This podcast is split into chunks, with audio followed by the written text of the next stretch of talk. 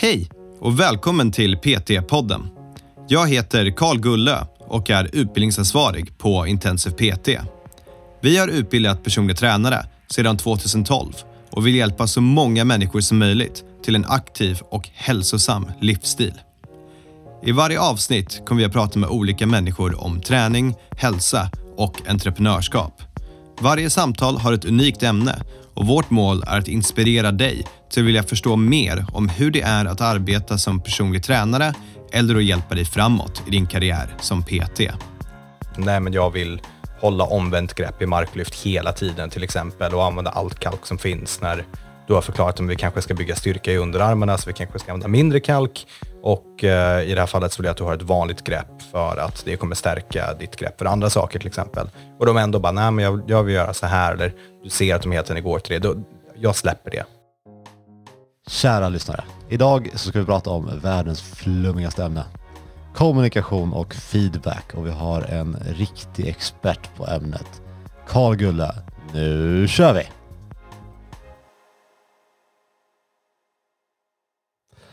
Karl Gulla, varmt välkommen till PT-podden.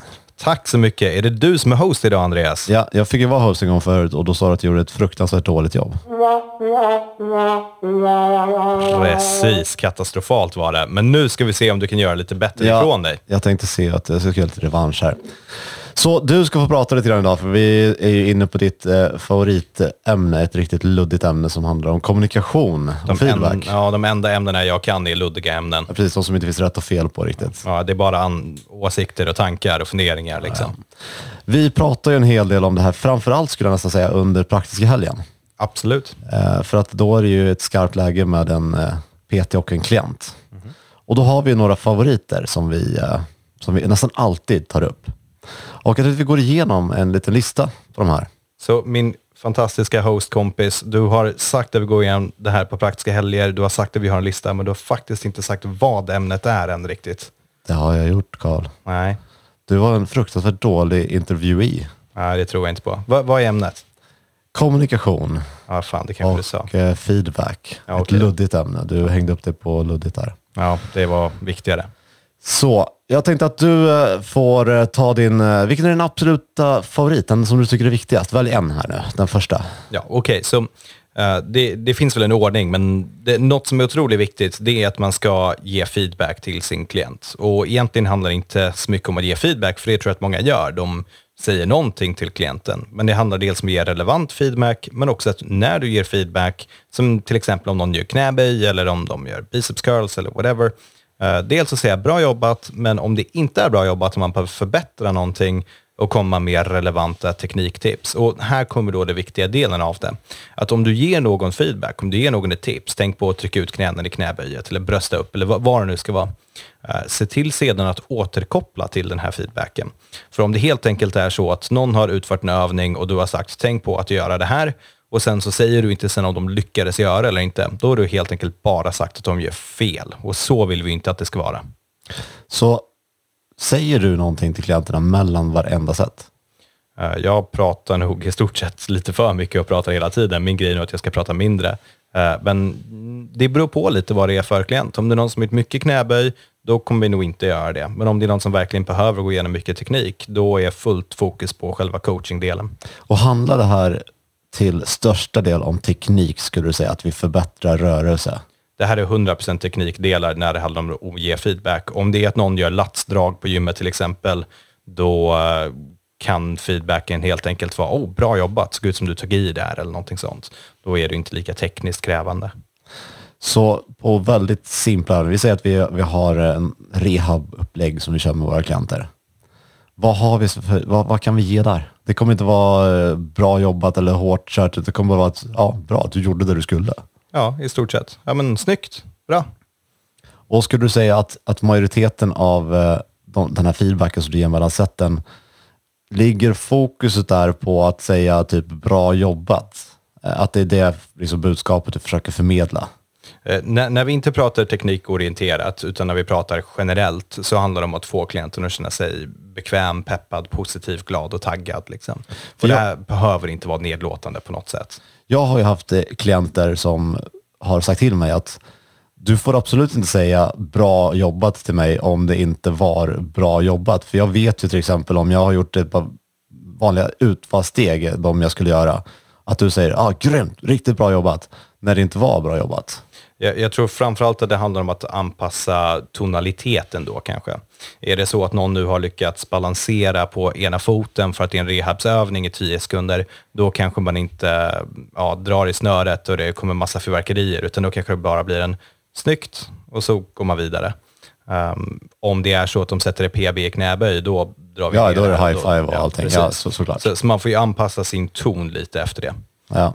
Man kanske kan se också på, på klienterna efter de har avslutat sätt om de ser nöjda ut eller om de ser missnöjda ut. Ja. Man kanske kan utläsa lite grann där. Ja. Sen så tror jag också att det har lite med olika coachingstilar att göra. Jag vet att min coachingstil är ju väldigt genuint peppig. Eh, Jag är genuint glad för personerna. Du ehm, står mest där och man är livrädd om man gör någonting fel, för då kommer du skrika på en och tvinga en göra burpees. Så när du säger bra jobbat, då vet man nu, nu är det bra jobbat. Det var verkligen någonting som var värt att, att, eh, uppmärksamma. Precis. När, när jag säger bra jobbat så är det lite mer snyggt, nu går vi vidare, bra jobbat, cool, hur kändes det här, okej. Det är mer min stil av coaching. Och generellt så brukar folk må rätt bra efter de har pratat med mig. Jag, jag vet inte vad du har för feedback mening. av det, dina det, det dialoger. är men- inte mitt fokus ska jag säga. Nej, ja, är min fokus. Jag bryr mig inte om de hatar mig eller inte. ja, jag, jag tycker att att få folk att må bra om sig själva är rätt viktigt delmål också. Men det där är i alla fall nummer ett, feedback och återkoppla. Okej. Och det viktiga vi har här är att om det är någon feedback, glöm inte att återkoppla till feedback. Direkt efter, alltså efter sättet. Direkt efter de har utfört det du har bett dem göra. Precis. Och det kan vara att du stoppar dem, om det är knäböj, du stoppar dem och säger, "Ja, men tänk på att brösta upp eh, mitt i sättet till exempel, om det är en lättare vikt eller något sånt, och så korrigerar de det, säger man snyggt, bra jobbat. Eller om de inte gör det, så måste man säga, okej, vi testar någonting annat. Okej, så vi har min, min klient där jag skriver feedback på, de ska göra knäböj.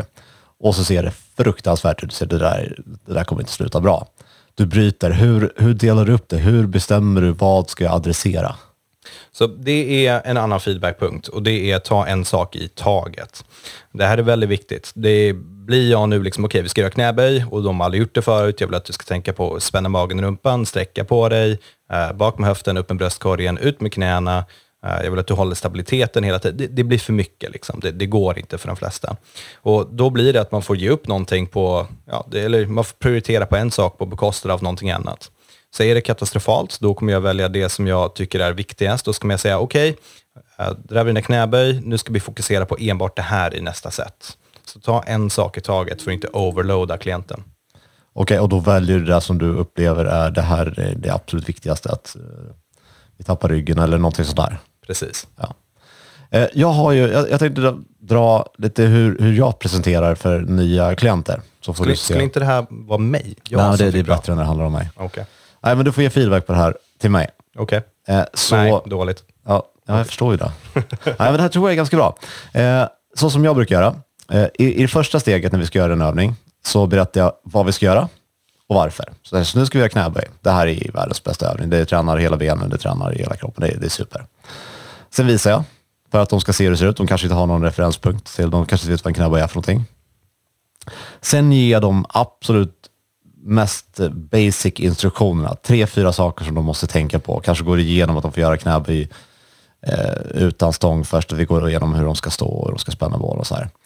Eh, och sen så får de testa. Och sen så börjar själva instruktionen. Sen så börjar vi gå in på lite mer detaljnivå, att vi testar, okej det var just det här. Eh, och, och att man tar det därifrån. Låter det här som ett rimligt upplägg tycker du? Jag, jag älskar det. Och för det är för att det spelar in på en väldigt viktig del, vilket är skillnaden mellan att demonstrera, instruera och att coacha en person. Om du demonstrerar någonting, då ska du generellt sett vara tyst. Det här är ett knäböj, det ser ut så här. Låt personen kolla.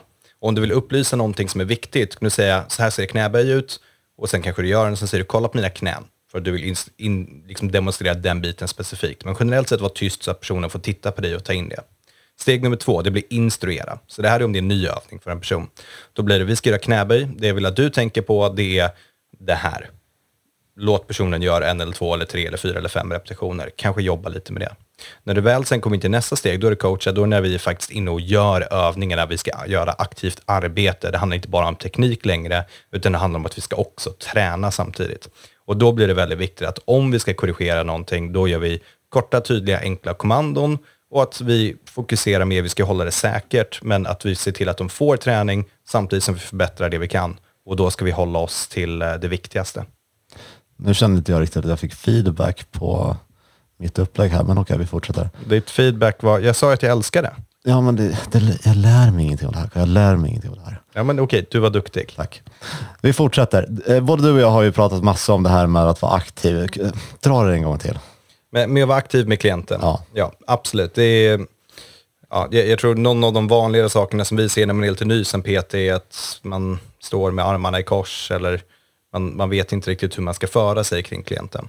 Och du behöver ju se personer från olika vinklar för att se vad är det som händer. Du behöver vara engagerad. Så generellt sett att röra dig kring din klient och vara aktiv kring klienten. Och jag, jag snackar inte att du ska springa massa cirklar omkring din klient, utan du ska ha ett öppet kroppsspråk. Om du inte vet vart du ska ha dina armar, ha dem bakom ryggen eller något sånt så att du inte låser dig själv med armarna framför kroppen. Eh, gå omkring klienten. Om de har huvudet långt nere till exempel för att de gör sit-ups, då ska du möta dem genom att vara nere på knä eh, eller sitta på ett knä till exempel. Följ klienten på det sättet och kolla på dem i olika vinklar. Varför är det här så viktigt? Okej, så om du ligger och gör sit-ups så jag står upp rakt över dig och skriker på dig fem till, det känns inte jättetrevligt oftast. Så det handlar alltså om, om hur jag som klient upplever att du är engagerad i mig. Absolut. Och att du ska kunna se saker. Så båda klienten ska uppleva dig som intressant och engagerad och att du bryr dig om dem. Om du bara sitter där på en pall och dricker din Nocco för att det är din sjunde klient på dagen och du bryr dig egentligen inte, då, då är det ingen rolig situation för den klienten att vara i. Men också för att du behöver se personen ur olika vinklar för att du ska kunna göra bra utvärdering av deras teknik och hjälpa dem. Sen pu- pushar du ofta för det här äh, att äh, man inte får använda ordet inte. Faktiskt du som pushar med på ordet inte.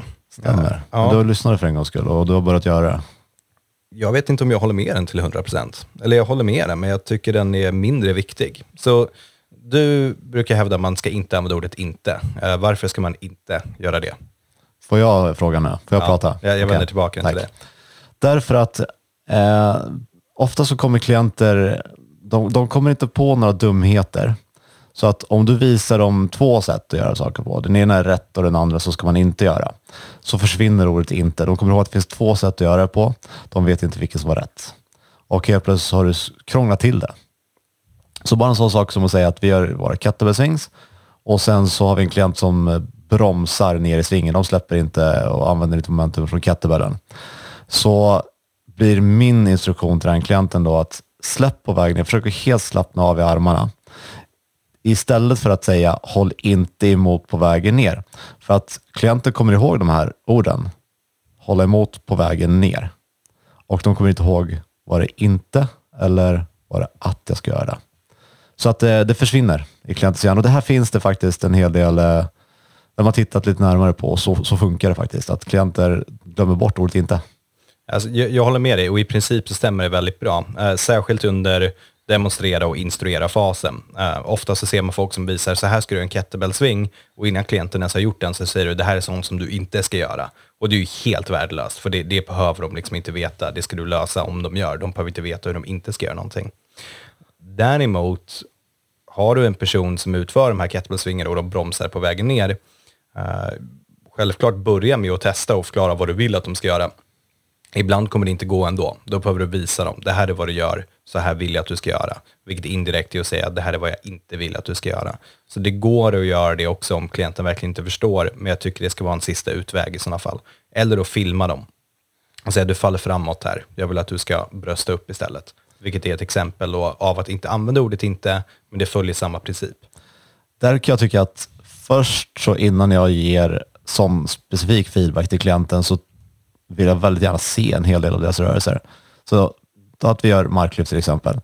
Det är helt onödigt för mig att nämna att jag inte vill att de ska göra ett låsgrepp. Alltså ett, en hand åt eh, respektive håll. Eh, om det inte är så att de tar tag i stången och börjar hålla så. De kanske aldrig hade fått för sig det i hela sitt liv. Så varför ens krångla till det för dem då? I instrueringsfasen och eh, demonstrationsfasen, absolut. Håller med dig till 100%.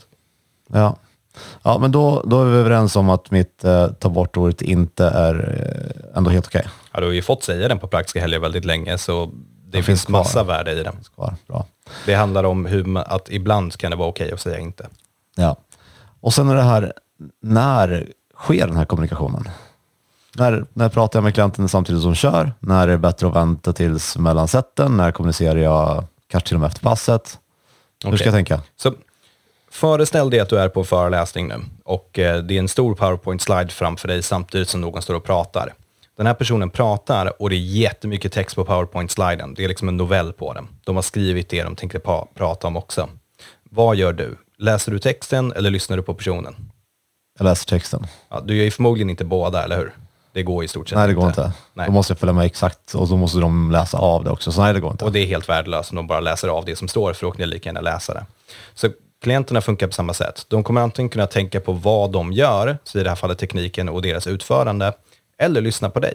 Så det innebär att om du pratar väldigt mycket samtidigt som klienten utför någonting och gör en övning, ja, då kommer de sluta tänka på vad de gör och börja lyssna på dig. Eller ännu värre, att de skiter i vad du säger och tänker bara på vad de gör istället. Och då är det totalt bortkastad tid, för då lyssnar inte din klient som betalar pengar för att du ska vara där och hjälpa dem. Eh, de får inte det värdet av det. Så är det så att du behöver förklara någonting i större detalj, då ska du göra det mellan sätten. Och för allt i världen, förklara någonting och sen gå igenom ett delmoment till övningen du gör. Liksom, ah, okej, nu testar vi. Funkade det här? Kunde du trycka upp armbågarna i frontracken till exempel? Ja, ah, det kändes bättre, snyggt. Det funkar. Men stå absolut inte och dra en novell samtidigt som personen lyfter. Utan då är det korta, tydliga, verbala cues. Det ska vara direktiv. Brösta upp, eh, svinga högre, spänn magen. Sånt som är lätt att förstå och tydligt att göra. Okej. Och hur ser kommunikationen ut eh, mellan sätten? Var, var ligger fokus där?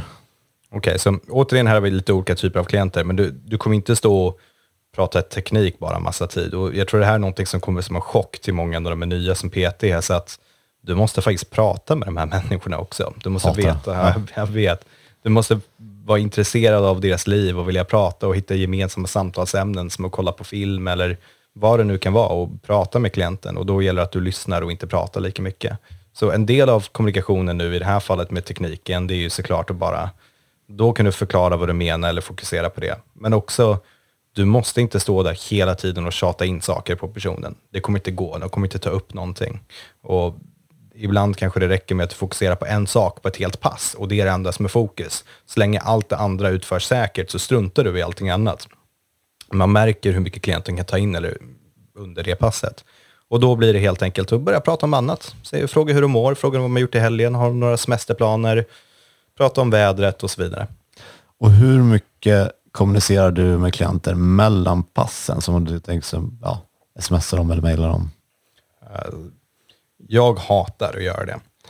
Men kan det finnas Ja, en det, fin- anledning att göra? ja, det finns anledning att göra det massa. Um, du kan hjälpa motivera klienten och ta dem framåt, men det gäller att göra det under ganska tydliga eh, parametrar. Ofta fångas ju folk in i den här fällan av att klienter skriver till dem på Facebook dag och natt och du känner att du måste svara.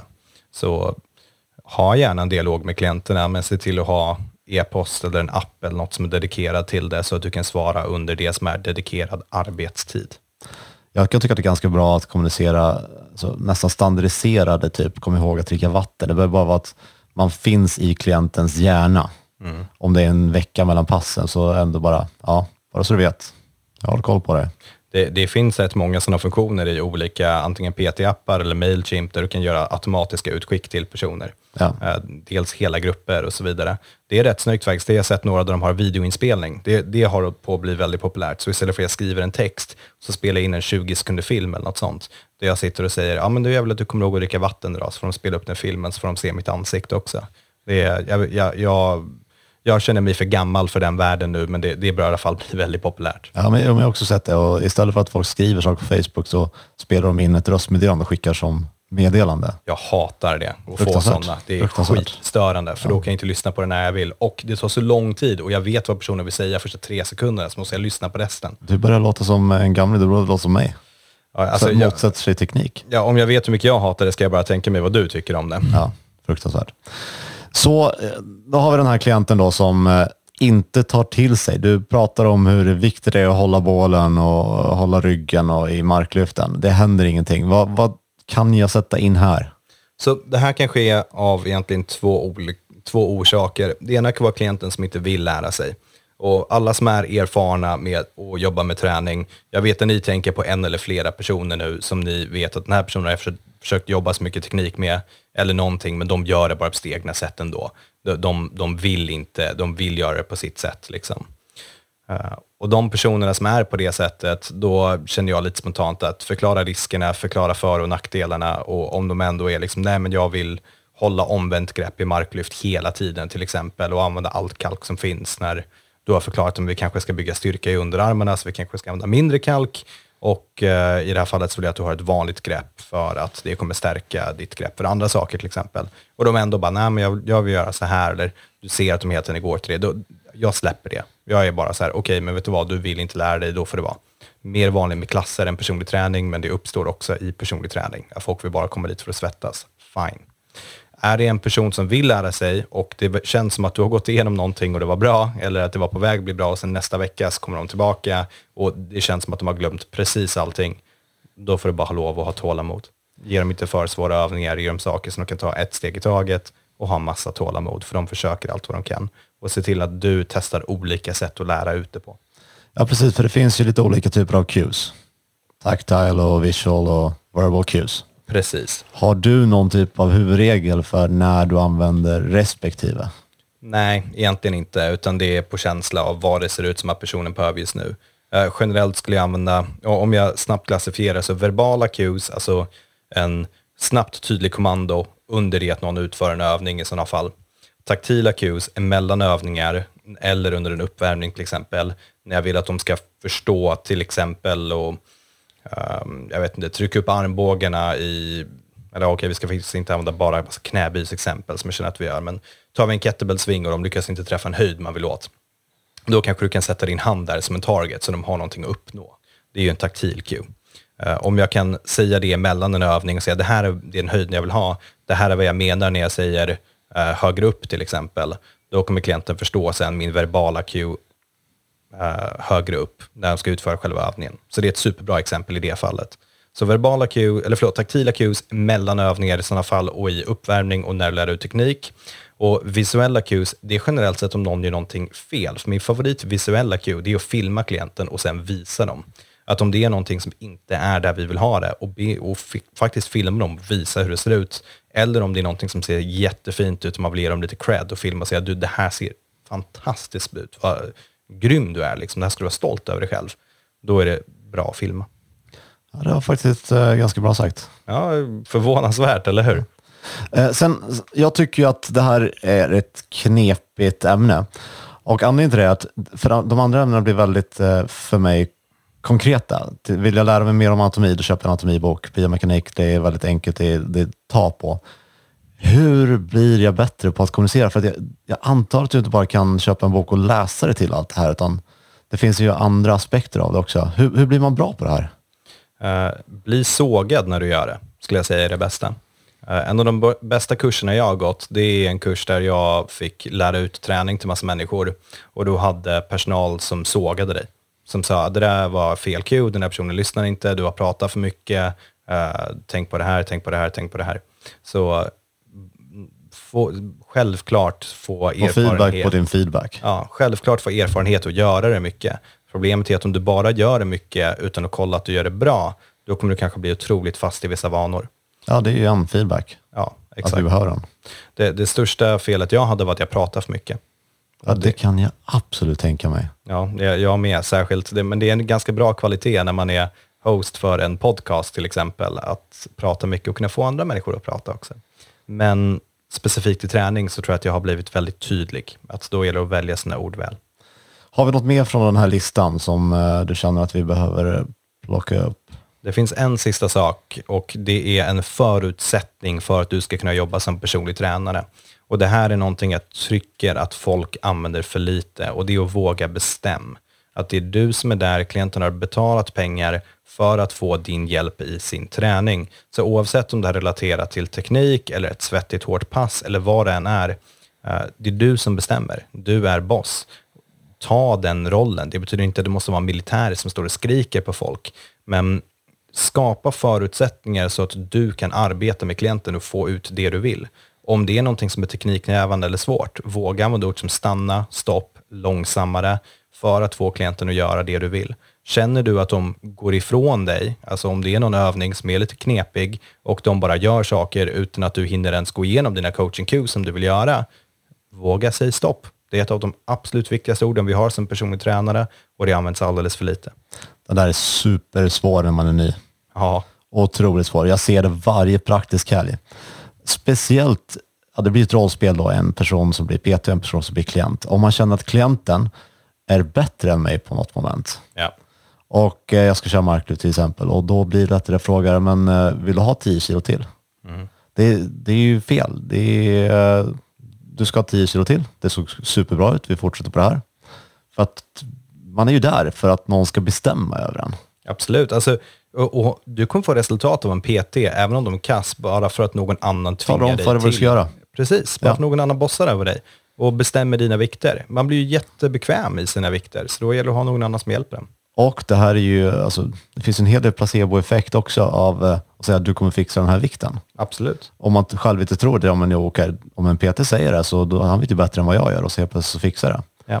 Och det, bara en sån sak som att klienter ofta är, i alla fall första månaden, ganska obekväma i en gymmiljö. De känner sig lite tryggare. De vill ha en guide som är supertrygg och bestämd och vet vad som gäller. Och det här är liksom deras hemmaplan. De vill känna att jag är i goda händer nu. Ja. Jag brukar ta ett exempel ibland om, eh, om du kommer till eh, en, läkare för att du har ont i armen och eh, de kollar på din armröntgenbilder och så säger de, ja, eh, skulle du vilja att jag opererar det här? Ja, det, det är, jag är här för att jag vill att du ska bestämma. Jag skiter Precis. faktiskt i vad du gör. Jag vill bara att du ska välja åt mig. Jag ser till att jag får det bästa som går. Liksom. Ja, och då vill jag inte, inte höra någonting om att jo, men det här och det här det skulle kunna funka. Jag vill höra att det här är absolut bästa. Det här är störst success rate på. Det här kommer i nästan alla fall bli bra. Så det här, det här kör vi på. Det här kommer bli grymt. Det är precis vad jag vill höra. Och det vill en klient också höra. Ja, jag håller med. 100 procent. Så vad ger de mig för feedback på min eh, poddhosting-kapacitet? Du, för dagens ämne så får du en sån här. Och det räcker. Jag Vi, ja, vi- nu är vi nöjda. Det är jättebra jobbat och jag hoppas att ni som lyssnar känner att det här var ett värdefullt avsnitt. Det är viktiga, viktiga grejer. Och för er som inte har gått den praktiska helgen, lyssna på den här dagen innan, fredagen innan ni går den praktiska helgen. Det är ett, eh, bara ett tips jag kan ge er. Ja, den är super. Tack så mycket allihopa. Ha, Ha det det så bra. bra.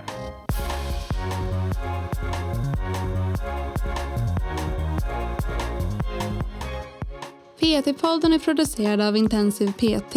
Om du vill veta mer om våra utbildningar och gå med i nätverket av framtidens personliga tränare, gå in på www.intensivpt.se. Vi har kursstarter varje månad och du kan studera helt i ditt egna tempo.